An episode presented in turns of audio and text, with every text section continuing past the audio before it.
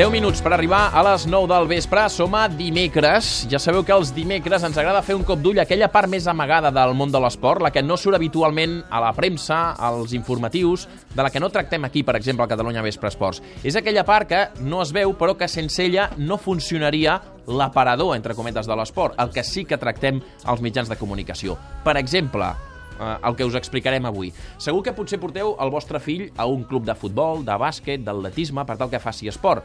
Potser els diumenges del matí aneu a veure l'esport amateur, que n'està ple als camps de la nostra geografia. Però què passa en un dia normal, entre cometes, en un club amateur de futbol. El Dani Gil, amb el muntatge musical del Dani Jiménez, ens expliquen com funciona el dia a dia en un club amateur. Han anat a veure el, eh, a l'Europa eh, de Barcelona. Doncs així és com funciona en un club amateur el dia a dia eh, en allò que no es veu. El Club Esportiu Europa és un dels equips més històrics del futbol català. Els escapulats són un dels 10 fundadors de la Lliga Espanyola a la temporada 1928 i tot i que ara militi a la tercera divisió, la filosofia de club seriós i professional no ha canviat. Els resultats del primer equip o l'estil de joc pel qual s'aposta són a l'abast de qualsevol, però avui volem conèixer l'Europa per dins. Per fer-ho hem parlat amb un dels coordinadors esportius del club, Nacho de Prada, i ens ha explicat les seves responsabilitats bàsiques. La meva funció com a coordinador esportiu és més de, de bueno, tema el control dels entrenaments, que s'estigui portant una miqueta de la forma que nosaltres volem, el que s'està treballant, com estan els jugadors, i si, si hi ha algun problema, de, més, sobretot més de caire esportiu, si hi ha temes d'actitudinals o, o de comportament, també és cosa, també és cosa, cosa meva juntament amb els entrenadors, però sí, sí, jo, la meva funció sobretot és de, de, caire, de caire esportiu. A l'Europa, però, el futbol no ho és tot. Com a institució modèlica, l'objectiu de guanyar va estretament lligat a uns codis ètics i de conducta per tot el personal del club. Si es produeix algun cas d'indisciplina, el coordinador entra en acció a més de formar jugadors, també hem de formar, eh, com a educadors que som també com a entrenadors, hem de, hem de, de fomentar uns valors i, una, i unes actituds que siguin, que siguin adequades als valors que fomenta el nostre club. Parlem amb les famílies si cal, els oferim tota l'ajuda que nosaltres podem donar i bueno, si ja, dic, ja durant la setmana ens trobem casos de nanos que durant potser dels entrenaments no han tingut l'actitud correcta o durant el partit perquè mira, perquè han perdut o han jugat menys del que, del que volien doncs la seva resposta, la seva actitud no ha sigut la correcta eh, doncs ja et dic, eh, orientar-los bàsicament és orientar-los i buscar solucions als problemes que puguin tenir. Una sèrie de tasques a més a més que es comparteixen amb el que fan els entrenadors. Un d'ells, Eduard Jové, a càrrec de l'infantil B, explica com es trien els entrenadors a les diferents categories del club. Bueno, jo crec que l'Europa és un dels clubs que sí que busca no? i fa una selecció de la, de la persona que fitxa i de la persona que està formant. Valora molt formar gent del club, tenir-la molts anys i formar-la també com a persona. I a part tot el que porta de fora sí que hi ha un procés de selecció en quant a família, ambient, que sigui adient per dintre la, de la, el codi ètic i l'ètica del club. Un dels tòpics del futbol resumeix que juga com s'entrena i és que sense una metodologia concreta de treball no es pot vestir correctament un equip de futbol. Com es prepara un entrenament? Aquest és el sistema d'Eduard Jové.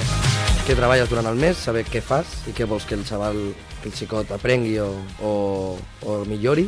I a partir d'aquí sí que divideixes la, la sessió en dos tres parts, una més més eh, la principal, la, la de més feina, la de més contingut, i altres dues amb, on l'objectiu potser seria la preparació del noi perquè estigui a un, a un nivell òptim i després la recuperació i la resistència a poder-se lesionar i a poder competir durant tota una temporada seguida. L'Europa aposta des de la base per una filosofia de planter, per jugadors formats de la casa i, per tant, per un model de caire familiar.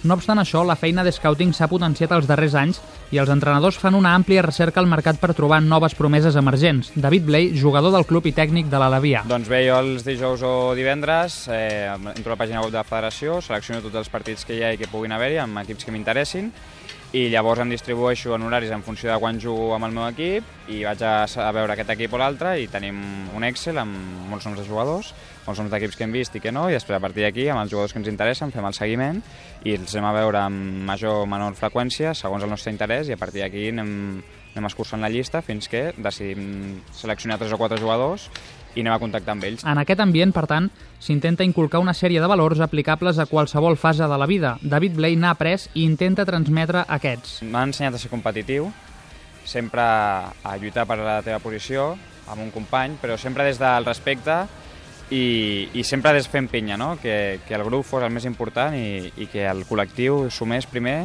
i després l'individu. Però això va ser competitiu a partir de, de l'honestedat i, de, i de donar el màxim i, i ser fort i fer un grup amb el teu company. El futbol català, com la societat en general, no viu un moment esplendorós a nivell econòmic. Treballar com a coordinador esportiu és suficient per guanyar-te la vida?